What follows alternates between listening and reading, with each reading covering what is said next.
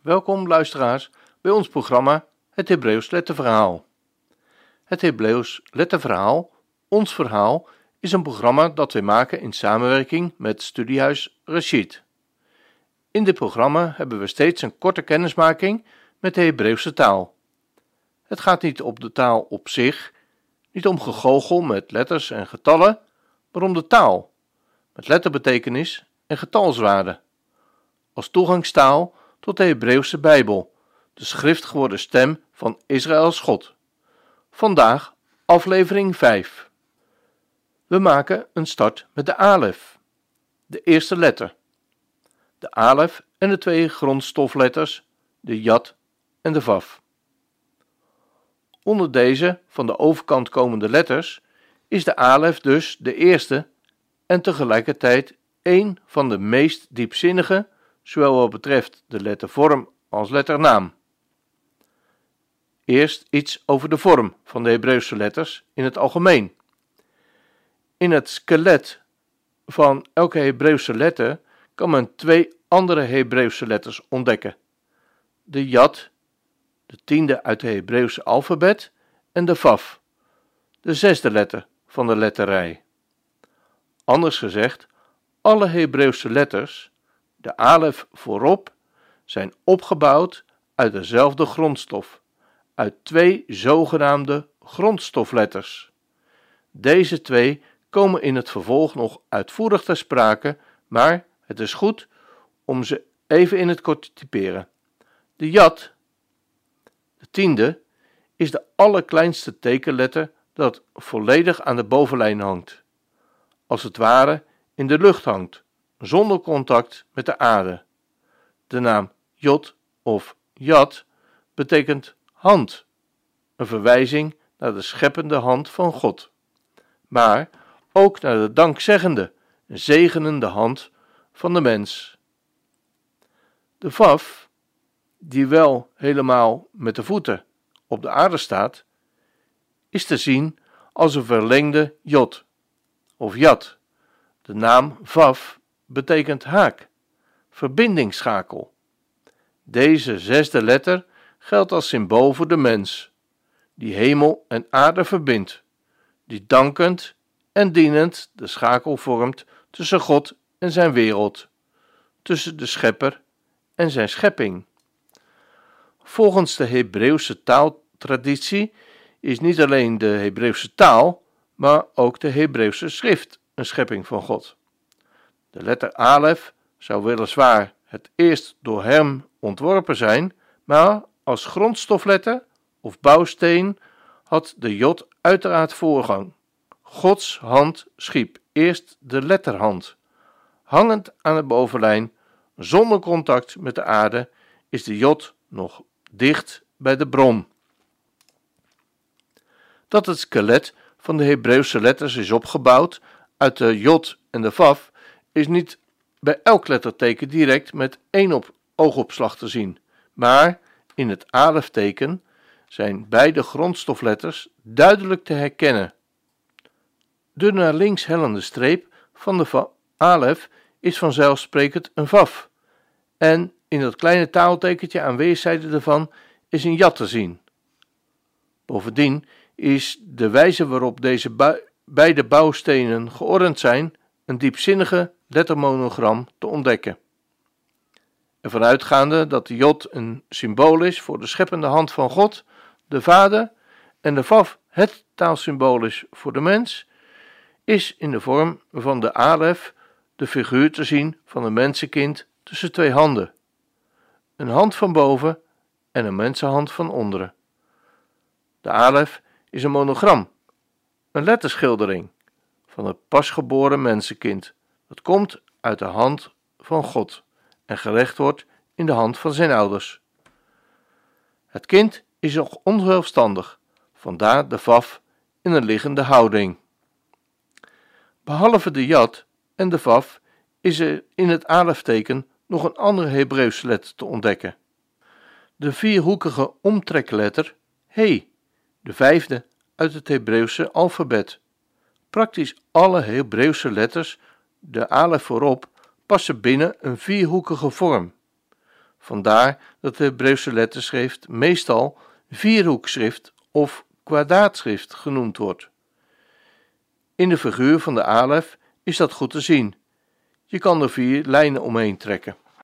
In de plaats van vierhoekschrift kan men ook spreken van het he-schrift, omdat de letters precies passen binnen het raam van de vierhoekige letter he. We noemen deze hoekige letter he, deze denkbeeldige omtrekkende letter van de alef, een omtrekletter. In het aleftekens zijn dus minstens drie andere letters verborgen aanwezig: de jot, de vaf en de he. Deze drie zijn ook de letters van de godsnaam: JHWH. De in de figuur van de alef is dus de vierletterige naam verborgen aanwezig. De jot en de vaf als grondletters en de he als omtrekletter.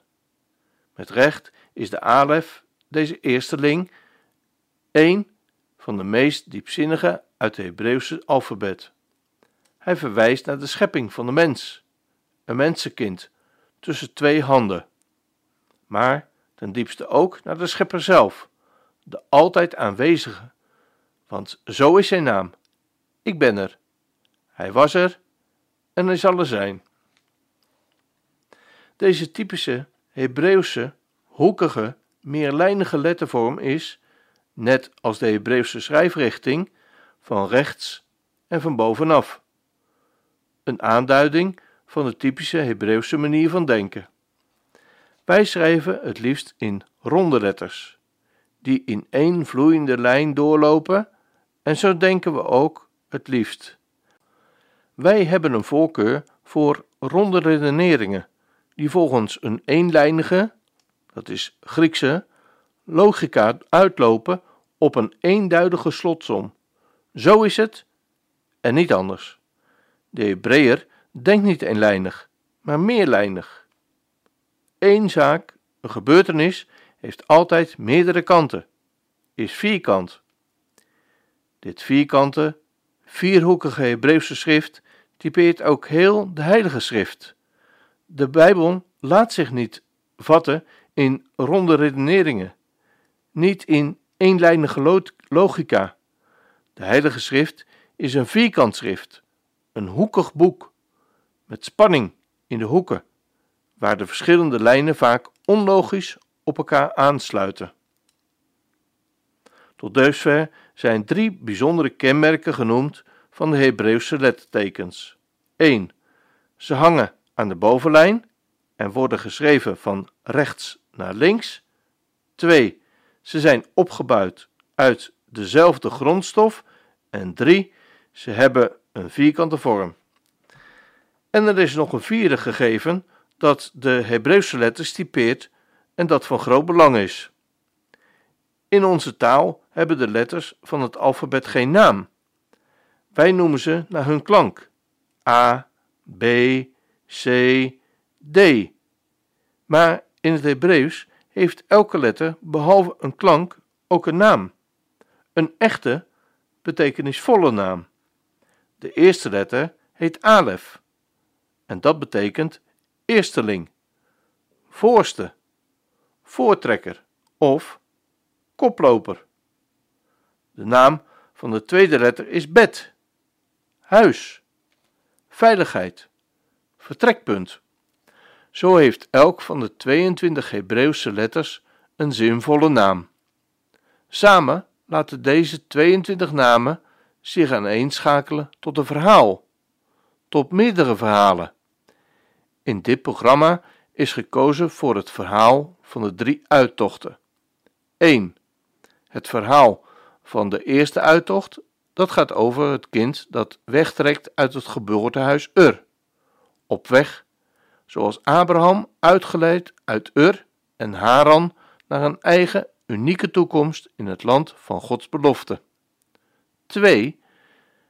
In het tweede uittochtsverhaal verlaten jongvolwassenen het diensthuis, Egypte, op weg naar een leven in vrijheid in het beloofde land. En 3. De derde uittocht betreft de gerijpte mens, die het zelfgebouwde huis Babel achter zich kan laten en die uiteindelijk zichzelf kan loslaten, tussen aanhalingstekens, in een leven van zelfovergave. De alef vormt het uitgangspunt van dit letterverhaal. De naam van deze eersteling, alef, betekent eersteling, voorganger, voortrekker, koploper. Deze eerste letter van de Bijbeltaal, dit eerste taalteken dat een kind moet leren, raakt meteen de oervraag van ons mens zijn. Wie ben ik? En waarvoor ben ik er? Ben ik slechts een dom product van toevallige omstandigheden of ontwikkelingen? Of ben ik, in tegendeel, juist in wezen goddelijk, een afsplitsing van de godheid, een vonkje uit het grote vuur, een druppel uit de goddelijke grote oceaan? Naar de Bijbelse visie is ieder mens een unieke schepping, met een uniek verant unieke verantwoordelijkheid tegenover God, de Schepper, tegenover de eersteling. Want, zoals de lettervorm verwijst, ook de letternaam naar Hem, de Alef, de Eerste, die staat aan het begin van ons bestaan. Ons leven is niet begonnen vanuit de leegte. Wij zijn niet vanuit het onpersoonlijk niets geworpen in een absurd bestaan. Maar aan het begin van ons bestaan staat Hij, de God van Abraham, Isaac en Jacob, de ene, de unieke, die ons schiep naar Zijn beeld, om Zijn liefde, Zijn trouw te weerspiegelen, maar die ons ook schiep om zelf een alef te zijn, een eersteling, een voortrekker in het spoor van Abraham, in de richting van het beloofde land dat zo klein is als Canaan, maar tegelijkertijd zo wijd als de wereld. Mens zijn is gezet zijn op een unieke post in Gods programma met de wereld, met Israël en de volken. Mens zijn is uniek zijn met, net als God. Zo een als ik is er maar één in de hele wereldgeschiedenis. Ik tegenover gij. Behalve dat deze Hebreeuwse letter drager is van een zinvolle naam, heeft deze letter ook een eigen getalswaarde. Alef is eersteling, is tegelijk het cijfer 1. Niet bij wijze van spreken, zoals ook wij wel tellen met de letters A, B, C, etc., maar de alef is echt een 1. Hij vertegenwoordigt het getal 1. Als zodanig als cijfer 1 verwijst de alef eveneens naar de alef, de 1. Ons leven begon niet met de 0, maar met de 1. De ene die ons uitdaagt om ook een 1 te zijn tegenover hem. Enig, uniek en uit één stuk. Net als hij. Overigens de Bijbel kent het cijfer 0 niet. Dit cijfer is vanuit India via het Arabische cijfersysteem bij ons binnengerold en sindsdien cijferen, vermenigvuldigen en delen wij vanuit de 0. De Bijbel rekent vanuit de alef, vanuit de 1.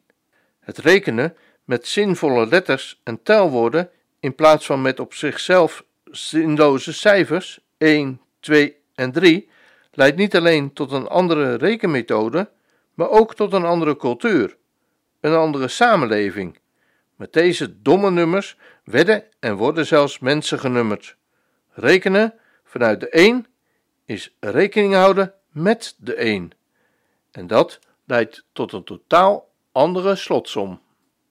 Tot zover aflevering 5. Mocht u meer willen weten of geïnteresseerd zijn in meer informatie over de Hebreeuwse taal, dan verwijzen wij u graag naar de website van Studiehuis Geschied www.studiehuisgeschied.nl. U vindt daar alle benodigde informatie om op een heel toegankelijke manier kennis te maken met het Hebreeuws. Nieuwe afleveringen van dit programma vinden plaats op maandag, woensdag en vrijdag om 3 uur. Voor herhalingen van dit programma ga dan naar www.radioisrael.nl Radio Weekprogramma. Terugluisteren kan ook. Ga dan naar radioisrael.nl Uitzending gemist.